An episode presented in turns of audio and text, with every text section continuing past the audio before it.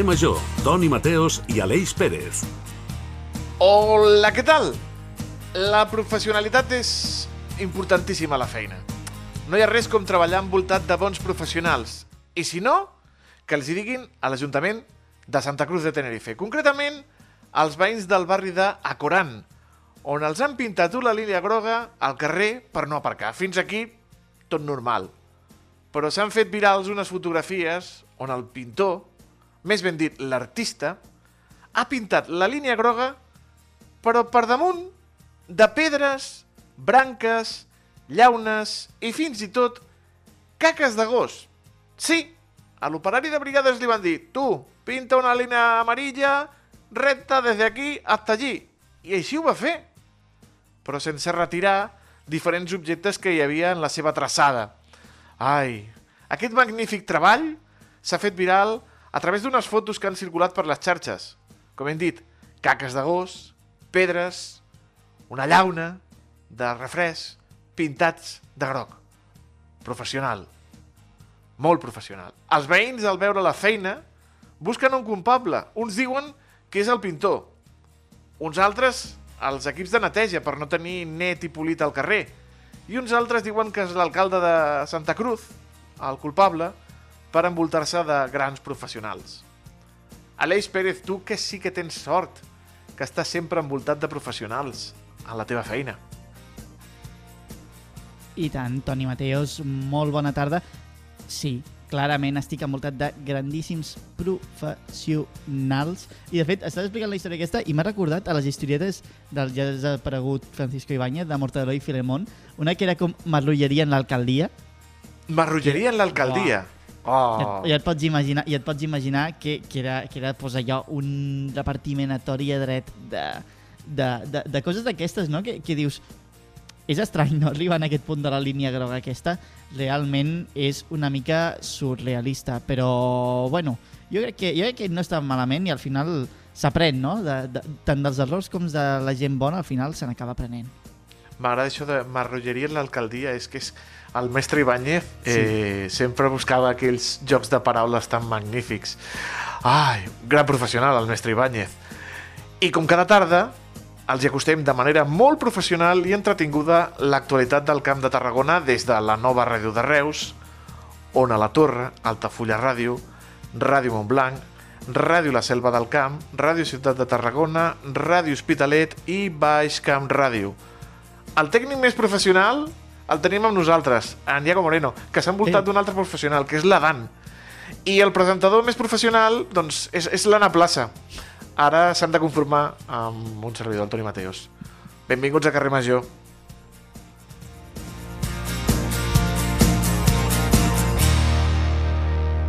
Les realitats del Camp de Tarragona a Carrer Major.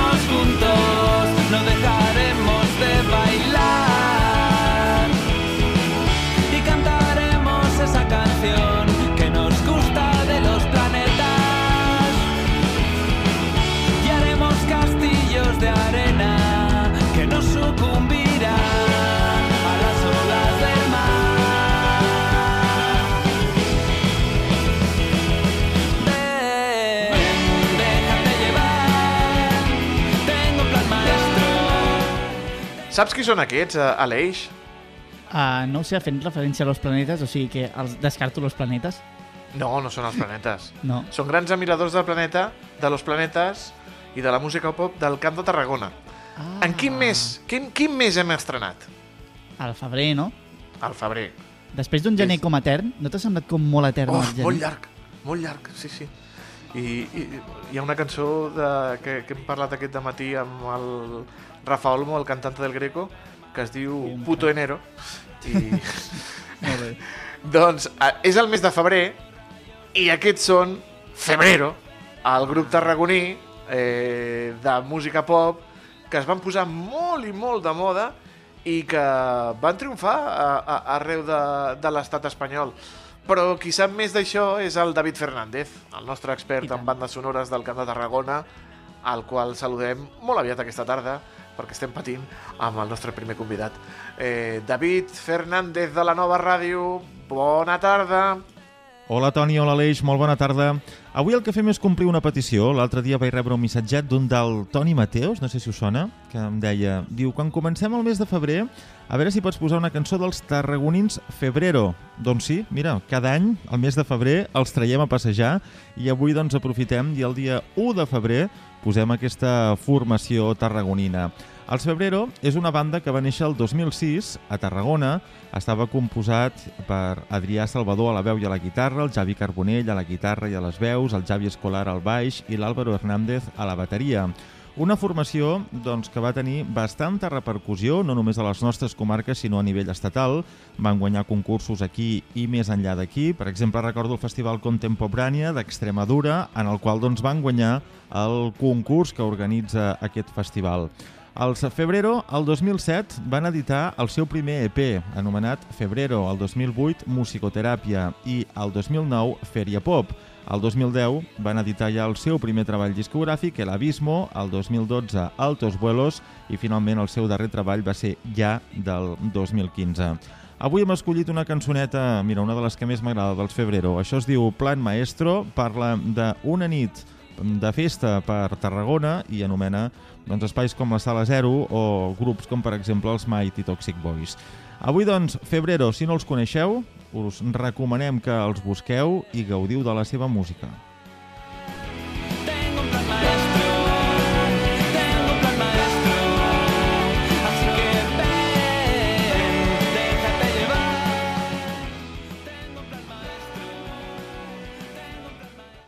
Carrer Major, al Camp de Tarragona, des de ben a prop.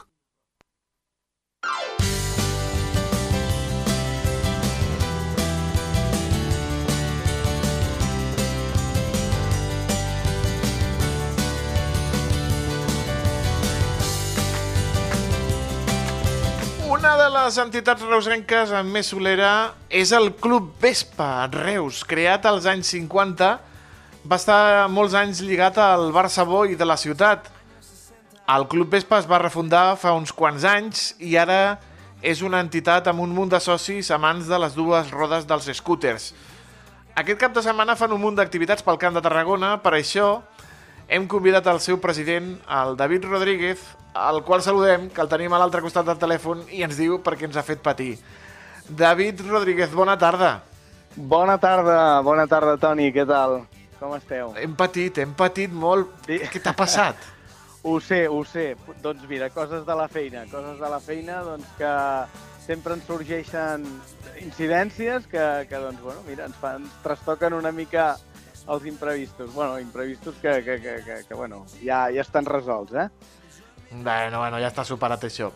Tu i jo ho sabem, David, però què té d'especial la Vespa? Doncs, bueno, la Vespa suposo que... mm, Diguem que són les seves formes, la seva manera de ser, no és una moto ràpida, no és una moto estable, és una moto simpàtica, no?, per dir-ho així. És una moto que, que, que, que, que jo crec que tothom coneix. No sé si perquè doncs, fa anys ja que, que portaven els, els, uh, les persones que repartien cartes de correus o, o perquè doncs, anys enrere portaven, no ho sé, no ho sé. La qüestió és que eh, atrau, jo, els seus colors, eh, és una moto divertida, no?, com deia. I tant, i, i, i bonica, i preciosa, i, i meravellosa. Parlem una mica de, de la història del club. Com hem dit, es va fundar als anys 50 i va estar molts anys lligat al, al Bar Savoy fins que es va tancar el, el Savoy, no? Correcte, correcte. En aquest cas, el, el Vespa Club Reus eh, es va fundar doncs, eh, coincidint per Sant Pere, per les festes majors de, de Sant Pere de Reus, l'any 55, i bueno, la, seva, la seva ubicació, la seva seu social era el Bar Savoy, que doncs, estava al carrer Monterols i, i bueno, doncs, un, un lloc molt cèntric on la gent se reunia allà i els caps de setmana s'aprofitava a sortir doncs, amb, a fer viatges, a fer excursions, de pensar que era, hi havia molt, poc, molt pocs cotxes, vull dir que no hi havia un parc mòbil com el d'avui en dia. I per tant, doncs, bueno, era una manera de, de, de viatjar i de descobrir i de, i de, i de sortir no? de, la, de la rutina. Unes Llavors, emocions, no? Eh, una... Sí, sí, Digues, no, digues, endavant. perdona, Toni. No, no, No, no, és l'Aleix, és l'Aleix. Ah, Aleix, perdona, Aleix. No, ja, continua. Sí. Era una mica també per, per això, no? que aquestes sensacions, totes aquestes sensacions, les estan recuperant ara mateix, no? En, en certa manera, també. Doncs sí, una mica sí. Uh, quan doncs, bueno, nosaltres vam, vam començar més, més jovenets, ara ja tenim una certa edat, no? però vam, vam descobrir tot això del món de la Vespa i doncs uh, uh, a mans de la Vespa de Salou o de Cambrils o d'aquí al, al voltant del territori i ens, uh, ens coneixíem en altres sortides que organitzaven doncs, altres entitats de, del món de, de la motocicleta clàssica, en aquest, en aquest cas, doncs al final vam dir, ostres, doncs recuperem aquest club, no? un club emblemàtic que doncs, eh, fins i tot a l'arxiu històric havíem recuperat informació i havíem, havíem conegut fins i tot eh, antics socis que, que havien format part de, de lo que havia sigut l'inici del Vespa Club Reus. Entre això, doncs, d'altres municipis, d'altres ciutats, com Barcelona, Sabadell, doncs, a Tarragona, que també doncs, tenia un dels, dels primers eh, Vespa Clubs aquí de, de la província. I a partir d'aquí, doncs, bueno, eh, hem format una, una família, la veritat, doncs, eh, molt maca, molt maca, de gent molt jove que, que doncs, és, és estrany perquè, vull dir, no, no havien conegut la, la Vespa, moltes de la, fabricades als anys 50, 60, i que actualment doncs, eh, intenten recuperar i restaurar i tornar a treure pel, sí. pels carrers. Una família que em comenten també aquí per, la, per via interna que, que també és molt més, no? I que també inclús teniu una colla de carnaval per qui es vulgui apuntar perquè la gent també sigui conscient de, de com transcendeix això, la, la, la, la unitat, no? I el vincle que es, que, es, que es fa a partir de la Vespa. Doncs la veritat és que sí, ja, ja, fa, ja fa anys, des de 2009, 2008, que vam fundar o vam formar part de, de, el que és una colla de, de, de carnaval d'aquí Reus, i, i bueno, des de llavors que, amb el parèntesis que va haver doncs, amb el tema de la pandèmia, que no vam poder sortir, però, però sí, sí, hi ha una comissió doncs, que anomenem Vespistats, que és a la nostra colla, una miqueta referenciant-nos doncs, d'una manera també simpàtica amb aquesta, amb aquesta marca de, de, de, de scooter. Sí, sí, eh, els socis del Vespa Club som, som com una gran família. Parlem del nou local, David, perquè vau estar una bona pila d'anys allà al carrer Sant Lluís, amb aquell local que de dues plantes, una baix, estava tot eh, un taller a dalt, hi havia aquell petit despatx, però ara ara esteu en un local nou i fantàstic, no? Sí, doncs eh, és veritat que allà vam estar a vora 20 anys, al carrer Sant Lluís, un localet doncs, eh, petit i molt ben aprofitat. La veritat és que no, No, no hi cabia... no ens si, hi faltava si, entra, de... si, entra, si entrava una persona havia de sortir una vespa. Exacte, exacte. O sigui, les dues coses no podien estar. Doncs sí, fa qüestió de, de dos anys vam aconseguir doncs, eh, un espai més, més ampli. Doncs, eh, també buscàvem que no fos una zona fora del centre, bueno, relativament, no? No, no volíem un polígon industrial, sinó que volíem una cosa que, que s'hi pogués anar a peu i doncs ara estem pràcticament a, a 300 metres de la, de la plaça eh, Pastoreta i per tant allà hem aconseguit tindre doncs, tot, el que, tot el que necessitàvem. Era espai per les motos, que pogués haver gent dintre i on, bueno, parlar de lo que ens agrada, temàtica Vespa, poder arreglar les nostres, les nostres Vespes i lambretes. Eh? No m'ho deixaré, que també No. eh, hem, deixat, hem deixat part també d'aquest altre mític scooter i, i bé, doncs estem molt contents. La veritat és que ens, ens hem adaptat molt, molt bé. Eh, jo sóc de Vespa. Tu, tam Sí, tu també ets de Vespa sí. o, o també ets... L'Ambreta... La, ara que Home, no què li passa a l'Ambreta? L'estava mirant i és, és bonica, no està malament. El què, la Lambreta? Sí, jo portaria una lambreta. Perquè tu tingués ets carnet. raro. Perquè Si tu ets carnet, raro. portaria la lambreta. Home, Toni, eh, en tot cas, la propera vegada et deixaré una, una lambreta d'algun soci i, Vale. i no sé, bueno, després ja podràs... Eh, jo crec Opinar. que ets més de, de Vespa, eh? però No, no, ho has de provar, que- ho has de provar, això. Aquest diumenge eh, feu una sortida a Salou, a la Festa Major, que podríem dir, David, que és una sortida ja clàssica de, del calendari del club, no? Doncs sí, co correctament. Fa eh, 14 anys ja que, que organitzem aquesta, aquesta sortida eh, doncs amb, amb ajuda de l'Ajuntament de Salou, eh, coincidint una mica amb la festa major d'hivern del Cos Blanc, i, i doncs, eh, bueno, coincideix que és aquest, és aquest diumenge, on bueno, farem un recorregut de, sortint de Reus fins allà a Salou, en fi, hi haurà esmorzar, hi haurà exposició al passeig Jaume I, eh, al costat, diguéssim, de la, del passeig a la banda del port.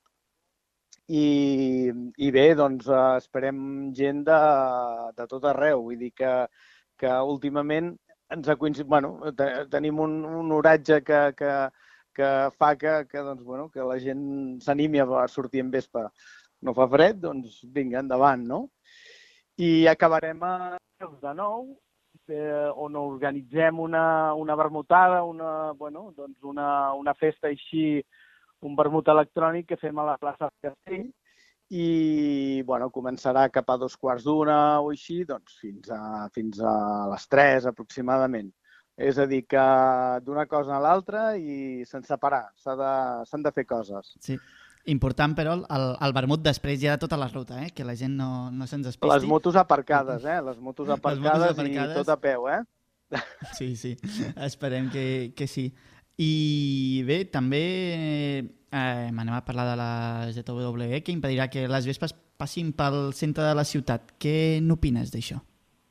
Perdona, no t'he La sentit ara. De la zona de baixes emissions, la zona de baixes emissions Ah, sí, que, doncs, bueno, que impedirà doncs, que hi eh, vagin les vespes. La veritat és un, és un tema que ens, que ens amoïna molt, principalment ens amoïna perquè ens agrada el fet d'anar amb aquests vehicles, doncs, eh, per lo que implica la seva conservació, per, per lo que implica doncs, la, la seva història no? del món de, del motor. També ens amoïna eh, doncs, una qüestió mediambiental i, òbviament, doncs, també, també ens agrada respectar-ho.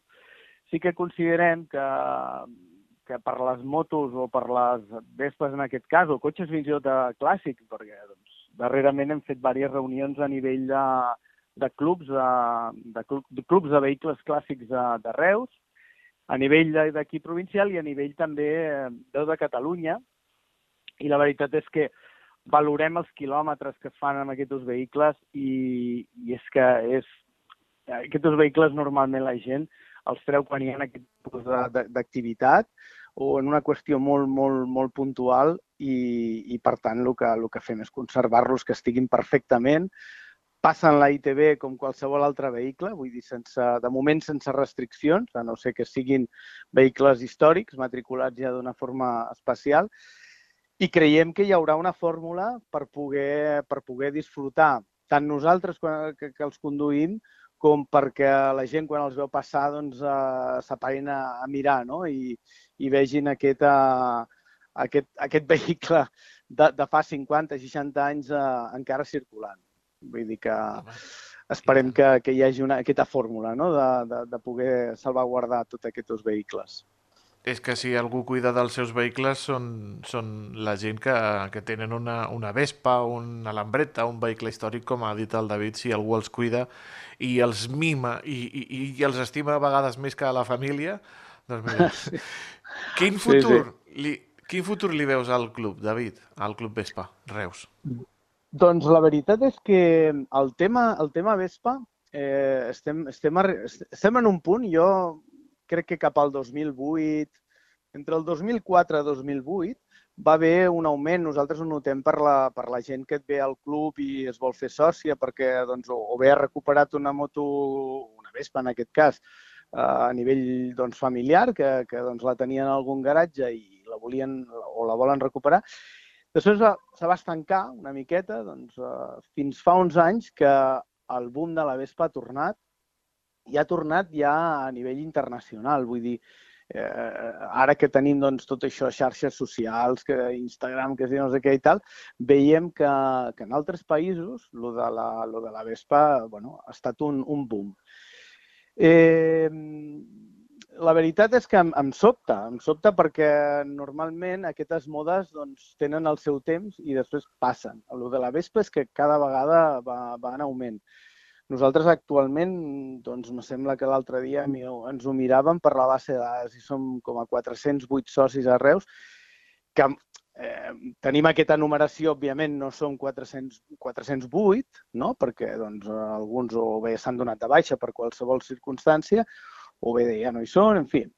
Però, però sí que notem aquest, aquest augment. Per tant, nosaltres al futur doncs el veiem ara mateix molt, molt bé. O sigui, cada vegada eh, més gent recupera aquest tipus de Vespa. Mm, és una moto que et dona l'opció o et dona l'ànim de, de, i nosaltres ho motivem així, de que s'ho pugui reparar un mateix, que s'ho pugui, no? Eh, el fet de, de, de fer-la ell mateix doncs és aquesta satisfacció que et quedi, no? Mira, estic, estic en negociacions amb l'Anna Plaça, la nostra companya del carrer Major, que diu que tenen una, ves- una lambreta de la seva àvia, a veure si me la ven a bon preu. Eh, Doncs vinga, ànim, una lambreta, veus? una lambreta. David Rodríguez, eh, president del Vespa Club de Reus. Moltíssimes gràcies per acompanyar-nos aquesta tarda al carrer Major. Molts, molta sort i molts encerts. I ens veiem, ens veiem diumenge amb la Vespa, a veure si baixo a Salou, però el vermut segur. Vinga, perfecte. Molt bé, Toni. Gràcies a vosaltres i gràcies per convidar-nos. Una abraçada, que vagi Un bé. plaer. Vinga, bona tarda. Adéu. Estàs escoltant Carrer Major.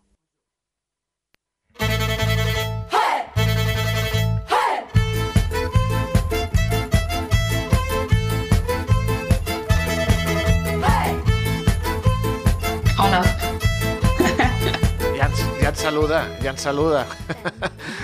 És Hola. la, la, la Clàudia, de l'Hora Violeta. Com hem d'actuar si presenciem un assetjament sexual o el que creiem que pot ser un assetjament? Com hem d'ajudar la víctima? I si som nosaltres la víctima? Com hem d'actuar amb l'agressor? Per tractar aquest tema tan delicat, doncs, eh, tenim a la Clàudia, de l'Hora Violeta, per ajudar-nos. I la saludem. Clàudia, bona tarda. Hola, gràcies per la invitació. No, gràcies a tu per, per participar aquí al carrer Major. Primer de tot, hem de tenir molt clar que és un assetjament. És qualsevol tipus de comportament verbal o físic que atempta contra la dignitat de, de, la, de la víctima, no? Sí, o sigui, això passa no, no només amb les violències masclistes, però en general, quan hi ha un poder considerat mm, la majoria que actua amb desigualtat amb, una, amb persones, amb col·lectius que són considerats minoria.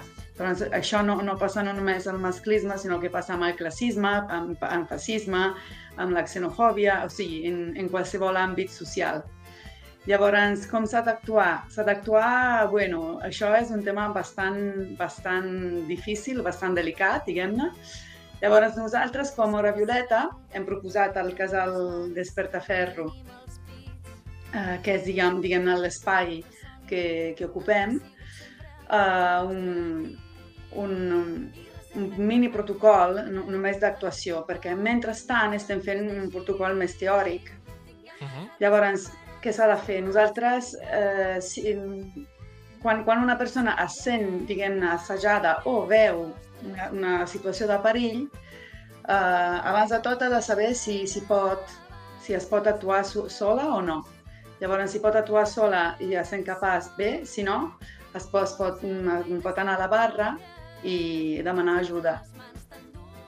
I nosaltres, eh, el que fem com Hora Violeta, en, ens, ens posem a disposició per crear per a aquesta persona o persones un espai segur Clar, on pugui, bueno, pugui estar bé i parlem amb aquesta persona, fem una mica d'observació de la situació, tenim, tenim una falca, de manera que, si, que la gent que, que, fa, que, que és part de la festa se n'adoni del que ha passat.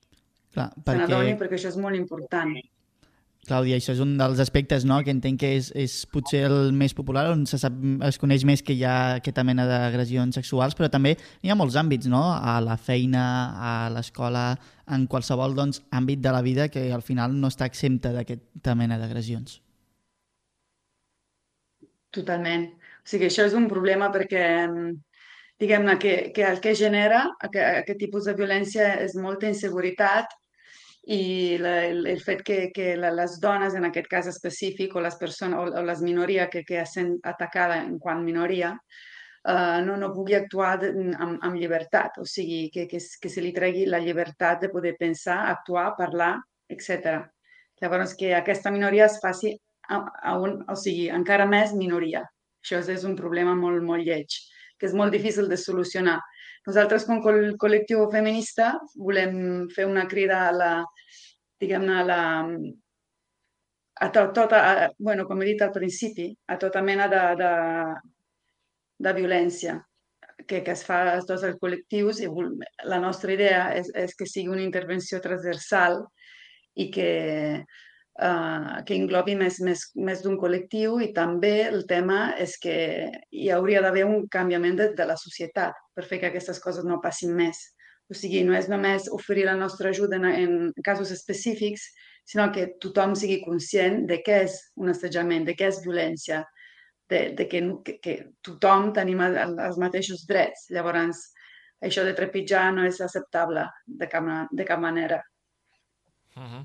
Eh, Com has comentat tu, Clàudia, eh, si es dona en una, en una festa, eh, en un ambient festiu, eh, ara s'estan posant eh, molt al dia el, els, els punts violetes i tot això, però si es dona a la feina, si es dona a l'escola, en solitari, i et sents que tu ets Sí. la víctima, com, com hauríem d'actuar? Suposo que és denunciar ràpidament, eh, intentar sortir d'aquell assetjament eh, com, com bé es pugui i anar a denunciar-ho ràpidament o, o a buscar ajuda. Totalment, totalment. Mira, eh, eh, jo soc, també soc professora, acabo de fer una substitució en un col·le i també eh, s'estan formant col·lectius feministes amb, amb les nenes dins dels col·les. Això és molt important. Vol dir, el que Mhm. volem fer com a col·lectiu feminista, en, nosaltres a Reus, però en general, com, com part, com part de, de, de, això, d'aquest moviment, és crear en espais uh, més, més petitons, com per exemple, pot, pot, bueno, petitons per dir, o sigui, tampoc tan petitons, però com po- podria ser l'escola, podria ser la feina, la possibilitat de, de crear un, un espai per dones. En el moment en el qual hi ha un assetjament, poder parlar amb aquesta, amb aquesta comunitat. perquè, clar, la víctima que normalment i malauradament està en aquesta situació de, de complexitat també, doncs, és quines sensacions passa o també és un procés haver de, de, de, de patir l'agressió fins a vegades també comunicar-ho. I, evidentment, o sigui, el tema és que hi ha, encara hi ha molta, molta, molta vergonya, encara, encara eh, sembla que alguna, algunes, algunes, alguns tipus de, de, de, de manera d'actuar siguin acceptats. És per això que volem denunciar el que passa, perquè la gent, les dones, sobretot en aquest cas, se n'adonin que algunes coses són violències i que no són acceptables, absolutament. Llavors, una, una vegada que, que, que aquest aspecte és clar, es, es pot denunciar, però el que passa és que no sempre és clar. A vegades és considerat normal, correcte, perquè és, és, és una forma de ser, del, bueno, és una forma mentis, diguem-ne, donada de, del, per part del patriarcat. Mhm. No, ho, ho estem veient, aquest... Eh, molts pensen que un petó, eh, una carícia, unes paraules, eh, si no són eh, consentides, eh, bueno, pensen, això no és delicte, però, però ho és. Totalment d'acord. Sí, sí. S'ha de fer un treball de veient. sensibilització, evidentment. S'ha de saber el que Mm. és, el que és acceptable i el que no, no ho és. Mhm. Si la cosa es posa... algunes persones Perdona. ho saben, altres no. Mhm. Si la, pos... si la cosa es posa més lletja, com Sí. hauríem d'actuar, Clàudia? Bueno, abans de tot, tenir gent de confi persones de confiança amb, la, amb les quals poder parlar i poder dir, mira, m'ha passat això, no sé què fer, ¿vale? I després, mm, per exemple, en l'exemple que, que he fet abans, nosaltres sempre deixem el nostre número, número de telèfon, llavors ens truquen i en aquell moment nosaltres intervenim, amb una, som, serem part d'una comissió, formarem, una, form, formarem part d'una comissió, intervenim i ajudarem. Llavors, en el mateix cas, com, com he dit abans, es, aquesta persona, si, si es veu capaç d'actuar sola, molt bé.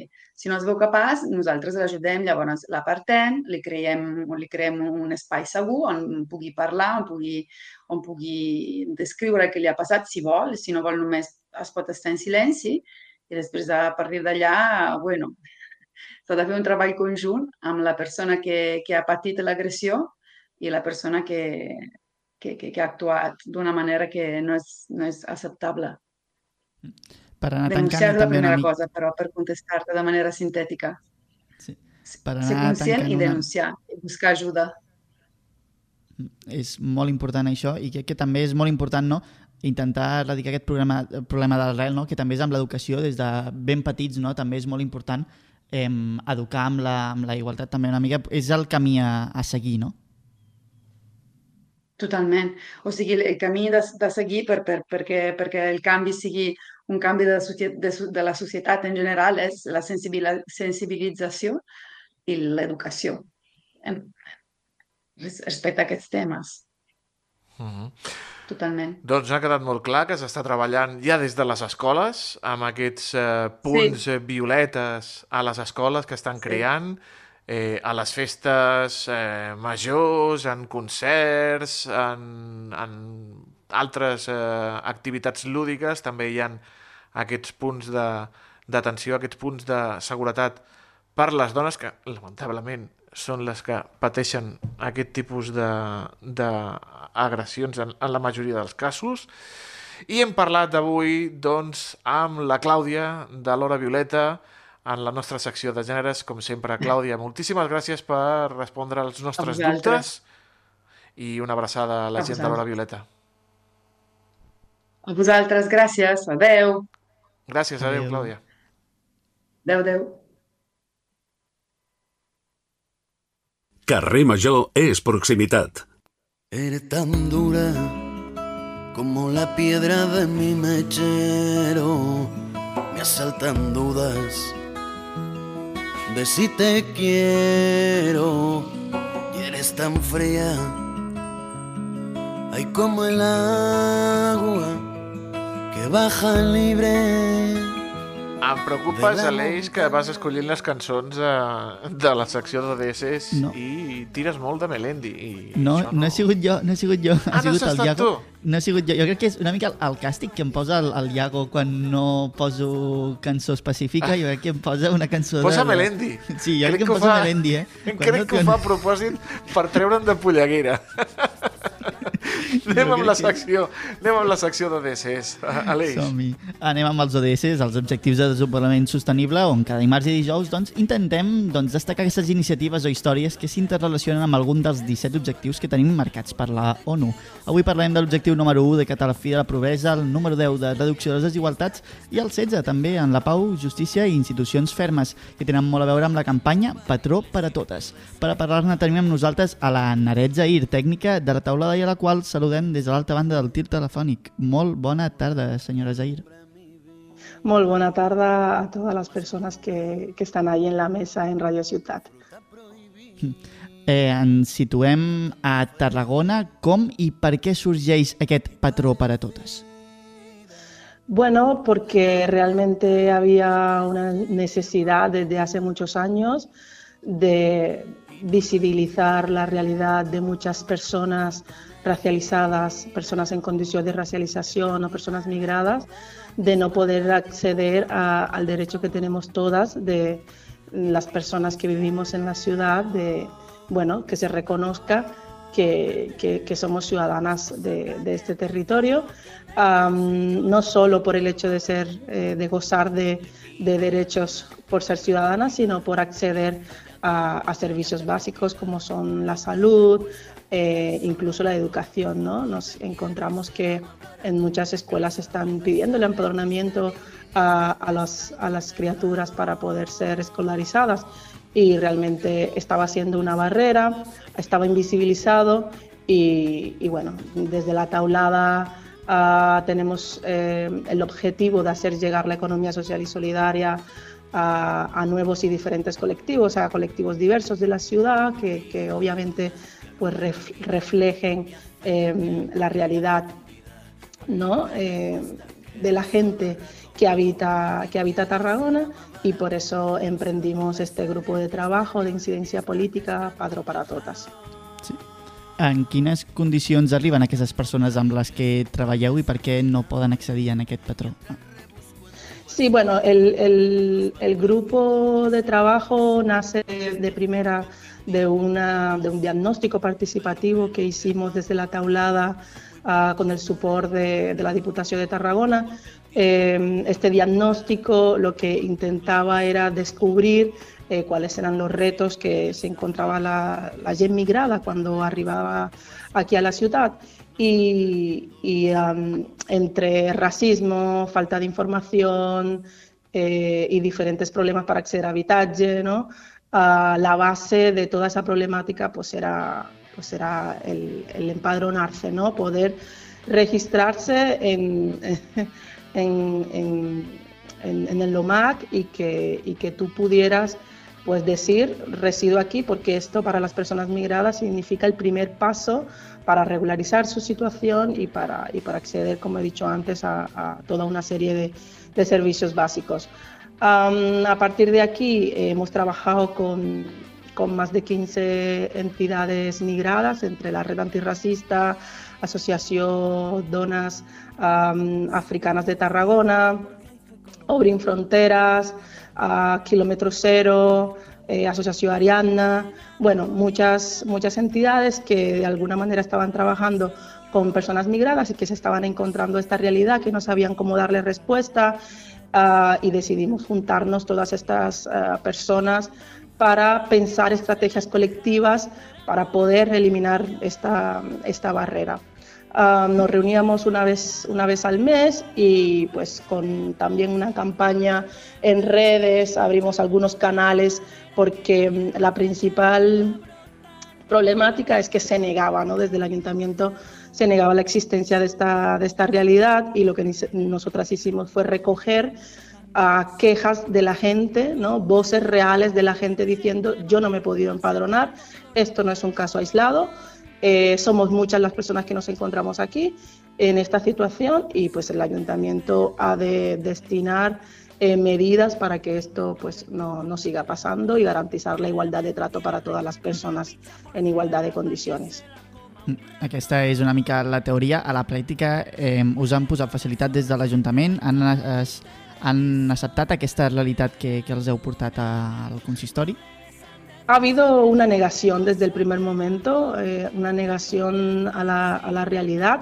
Parece que depende también de, de qué funcionario, de qué persona te atienda, pues te, te- por lo menos te permite eh, hacer la instancia genérica, que era como eh, nuestro primer reto, lograr que las personas que llegaban al OMAC pudieran por lo menos salir de allí con, con la instancia genérica hecha, que luego el proceso pues, puede variar según la causística de cada persona y la realidad de cada persona, ¿no?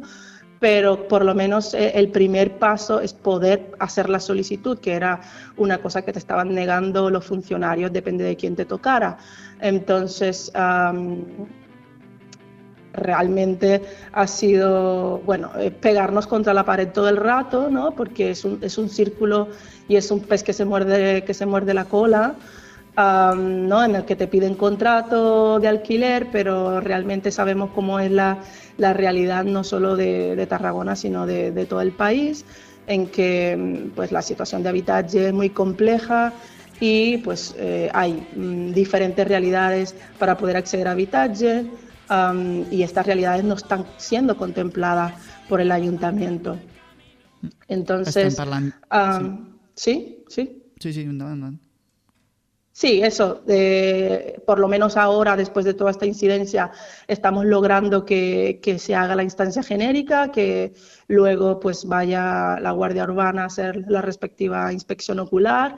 Ah, nos hemos encontrado en casos incluso en donde una persona eh, da su dirección em, y, la Guardia Urbana no encuentra la dirección, pero luego el ayuntamiento eh, le, envía una carta a esta dirección, la persona recibe la carta y efectivamente la dirección sí existe, ¿no? Entonces te niegan, le negaron el empadronamiento a esta persona por no encontrar la dirección, pero luego te llega una carta.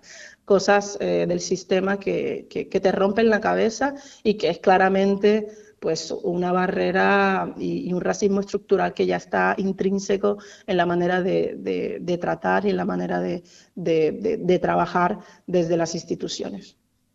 Clar, estem parlant llavors de que persones que resideixen en un mateix municipi, no? unes persones tenen uns drets i una gent a la qual els hi neguen i al final influeix en la qualitat de vida, inclús també en la integració d'aquestes persones. Sí, yo creo que ha sido también uno de nuestros grandes trabajos sensibilizar a, la gente en general de la ciudad, a, la gente local, de esta realidad, porque parece que mucha gente no sabe cuánto daño puede causar a una persona el no empadronarse, el, no aparecer en los registros del ayuntamiento, ¿no? Como una persona empadronada. Um, ha sido clave para nosotras eh, la participación de la FAP, que antes no, no la mencioné en las entidades que, que, que, hemos hecho parte de este grupo de trabajo. Ha sido la Federación de Asociaciones de Vecinos junto a la CONFAP quienes han impulsado pues, toda esta campaña de sensibilización para hacer eh, eh, entender al resto de ciudadanías que eh, las personas migradas son nuestros vecinos y son nuestras vecinas, ¿no? Y así como me preocupo por, por mi vecina local, también he de preocuparme por mi, por mi vecina migrada que, que, que, que, no está pudiendo acceder a servicios básicos, ¿no? Porque lo que a ella le afecta también seguramente me afecta, nos afecta a todas. Eh, y, así, y ahí en este, en este camino de sensibilización pues ha sido clave el trabajo de la, de la FAP. Heu estat lluitant també durant el, de fet durant el passat 2023 vau aconseguir que 40 persones fossin empadronades a, la, a Tarragona també una mica quines, quines sensacions tens, quin regust és una, és una escletxa, és una obertura a la, a la, al possible empadronament de més persones aquest 2024? Sí, um, bueno, está claro para nosotras que, que pudiéramos y quisiéramos haber llegado a muchas más personas. Tampoco sabemos las cifras exactas, esto es un aproximado de cuántas personas pudimos eh, acompañar directamente, porque pues cada una de las entidades también estaba haciendo este trabajo de acompañar a otras personas y este, y este número de personas pues no lo estábamos contabilizando, ¿no? que seguramente hemos podido llegar a muchas más personas, pero esto demuestra que hay una necesidad, que hay una necesidad y que el ayuntamiento ha de, ha de hacerse cargo a esta responsabilidad, ha de tomar medidas para que esto no siga sucediendo. a més és dignificar les vides humanes no? i les vides de les persones, també entenc que aquesta situació no és exclusivament, òbviament, de Tarragona, també és una cosa, és una realitat que afecta a tots els municipis de casa nostra. Sí, bueno, no digamos a todos, si es verdad que hay municipios que, que cuesta mucho más, pero hay otros municipios que están realizando realmente eh, un, trabajo de cumplir la ley, ¿no? Simplemente, simplemente se trata de, de, cumplir lo que dice la ley, no estamos pidiendo ni más ni menos. Casos como Barcelona, en que ya se puede hacer el, el empadronamiento sin domicilio fijo, cosas que Tarragona pues todavía está a años luz de, de poder lograrse y está a años luz simplemente por voluntad política. Uh, no, porque, no porque la ley no te lo permita, ¿no? Estamos hablando de lo que, de lo que todas tenemos derecho y, y, bueno, sería realmente nuestro, nuestro, máximo, nuestro máximo logro si, si logramos que en Tarragona se pueda hacer eh, el empadronamiento sin domicilio fijo. Per tant, i per anar tancant, seria aquest una mica el desig o el propòsit de 2024 de Patró per a totes? Nuestro deseo es que todas las personas eh, migradas en condición de, racialización o locales puedan gozar de los mismos derechos. Eh, y eso implica que todas las personas eh, que entran a l'OMAC salgan de allí, todas las personas que entran con el objetivo de empadronarse salgan de allí empadronadas. Ese, es nuestro deseo realmente. Hem estat parlant amb la Naret de la taulada. Moltíssimes gràcies pel teu temps i per explicar doncs, una realitat que també doncs, tenim aquí a casa nostra. Muchísimas gracias a todas y hasta la próxima. Doncs eh, moltíssimes gràcies per l'espai d'ODS, ja ho saben, els dimarts i els dijous parlem d'aquests objectius de desenvolupament eh, sostenible. Anem a recordar al podcast, al podcast de veïns de Ràdio Ciutat de Tarragona. Anem a escoltar un petit tastet de la peça que ens ha preparat el nostre company, l'Adrià Requesens.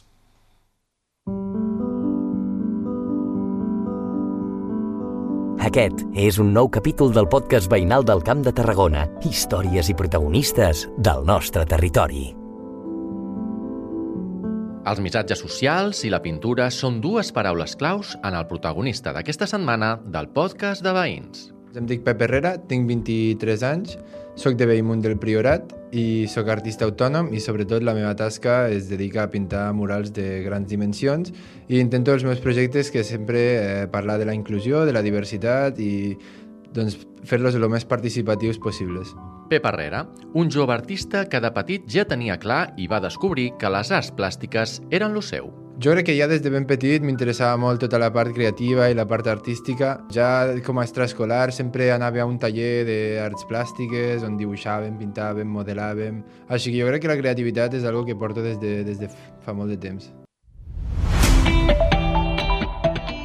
Històries, vides, trajectòries, anècdotes. Els nostres barris, carrers, places, municipis, pobles i ciutats compten amb un grapat de veïns i veïnes rellevants per una cosa o altra. El podcast veïnal de Carrer Major, el programa de les 8 ràdios de la xarxa al Camp de Tarragona, ens fa descobrir aquests perfils del territori cada setmana amb Adrià Requesens.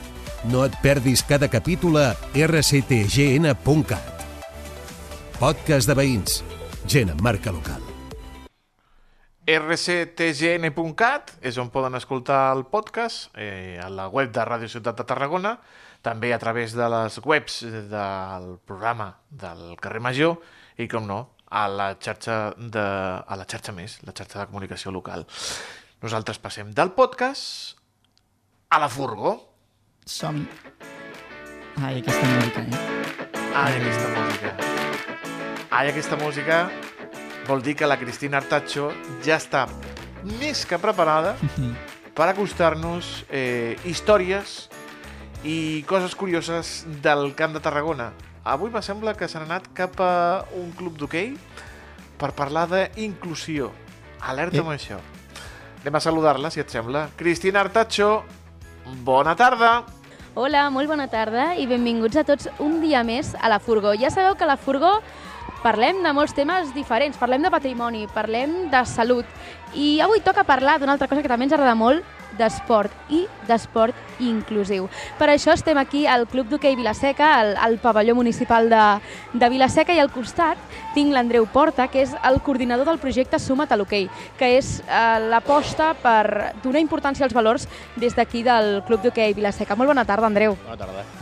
Explica'ns una miqueta en què consisteix aquest projecte del Suma't a l'Hoquei i sobretot dins d'aquest projecte d'Escola de Valors com fomenteu la inclusivitat? El, el Suma't a l'hoquei és una aposta del club eh, per formar tots els nostres jugadors i jugadores de la base, no només amb la pràctica de, de l'esport de l'hoquei en, en, en si, sinó també en formar-los com a persones, una formació integral. Nosaltres des del club l'aposta principal és de, de creiem fermament amb la formació integral de la persona, no? ensenyar-los a jugar a hoquei, però a més a més ensenyar-los a, a créixer com a persones i a desenvolupar-se. Una part molt important és la formació en valors. Llavors, des del Sumat a l'hoquei, des de, des de l'escola del Sumat a l'hoquei, que li, li anomenem Escola del Sumat, eh, planifiquem, treballem i dediquem bastant recursos i bastant d'esforç en crear activitats, en crear accions que fomentin l'educació en valors eh, a tot, no, no només als nens i nenes de, del club, sinó a tota la comunitat del club. Jugadors, jugadores, entrenadors, staff, delegats, delegades, mm, famílies, etc. tota la part del club unes d'aquestes accions, eh, una de les línies d'aquestes actuacions del, del, de la, des de la, a través de l'escola, del, del SUMAT, és la inclusivitat, diferents accions, diferents activitats que, que, que impliquin inclus, la, treballar la inclusivitat, el, el, el integrar persones amb discapacitat en el dia a dia del club perquè pensem que, que la relació, el relacionar-se amb aquest tipus de persones, amb aquestes persones que tenen aquestes altres capacitats, doncs és una manera de, de fomentar uns valors molt, molt importants per a la persona. Tot va començar, no? si no m'equivoco, aquesta primera passa que vau fer amb persones amb discapacitat va ser a través de crear un equip de florbal, que és similar al hockey, no? Sí. És una, podríem dir que és una variant del, flor, de, del, de l'hoquei, és una variant que és com si es fos un hoquei sala, eh, es juga amb una pista com aquesta, a l'interior, però es va sense patins i amb uns estics de plàstic, és una activitat, és un hoquei molt més, molt més eh, apte per persones que, que tenen més, alguna dificultat de mobilitat, eh, més fàcil per aprendre. Vale? Llavors el floorball és a dir, doncs, ens centrem en això, a jugar a un hoquei adaptat. I a partir d'aquest equip de floorball, no, aquests jugadors i jugadores, els heu intentat introduir també en el dia a dia del vostre club i també en el dia a dia dels entrenaments. De fet, aquí darrere no, tenim una de les dues noies, sí, l'Àgata, que, que està com ajudant els monitors i els entrenadors d'ho- d'hoquei, no? Sí, sí, sí, sí.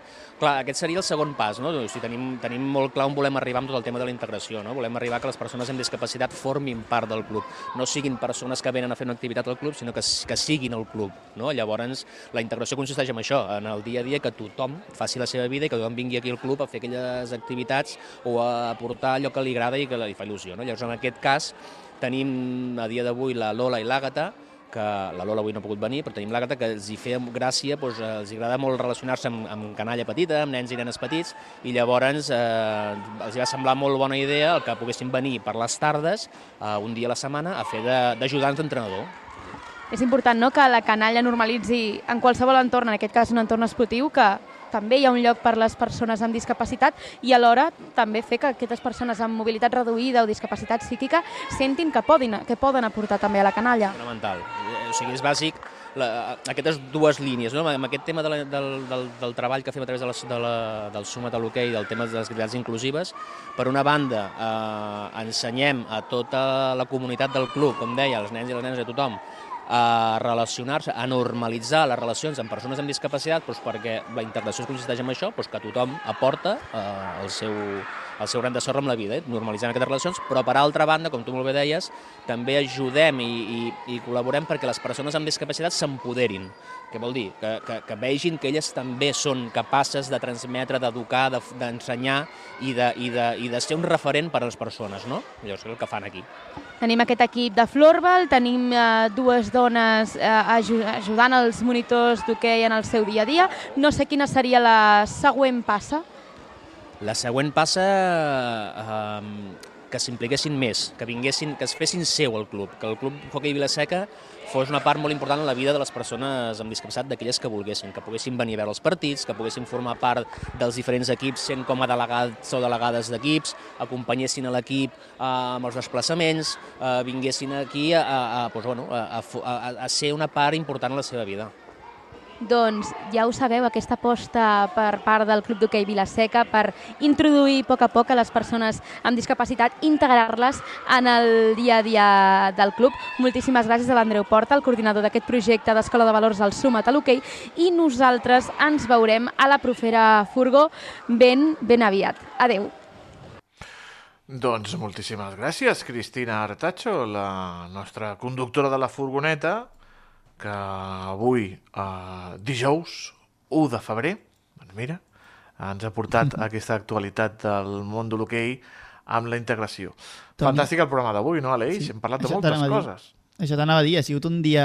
A més, també com de molt de moviment, no? També entre, entre les motos i l'hoquei hem fet una mica un programa capicua de, de mobilitat. Crec que ha sigut molt interessant també la, la col·laboració que hem tingut el dijous de gèneres, que ens agrada Mhm. dir, i també ens agrada posar el focus en, en dues temàtiques socials, no? com, han sigut, com, són els, com són l'assetjament sexual i també les dificultats en l'empadronament, que també ens agrada donar un caire social a carrer Major. Ja ho saben, això passa cada tarda a la seva emissora, en les vuit emissores del Camp de Tarragona que fem possible aquest programa i la xarxa de comunicació local. Aleix, gràcies, fins demà. Gràcies a tu, Toni Mateus. Nosaltres tornem demà, aquí, a la seva emissora de confiança. Que vagi molt bé. Fins demà. demà.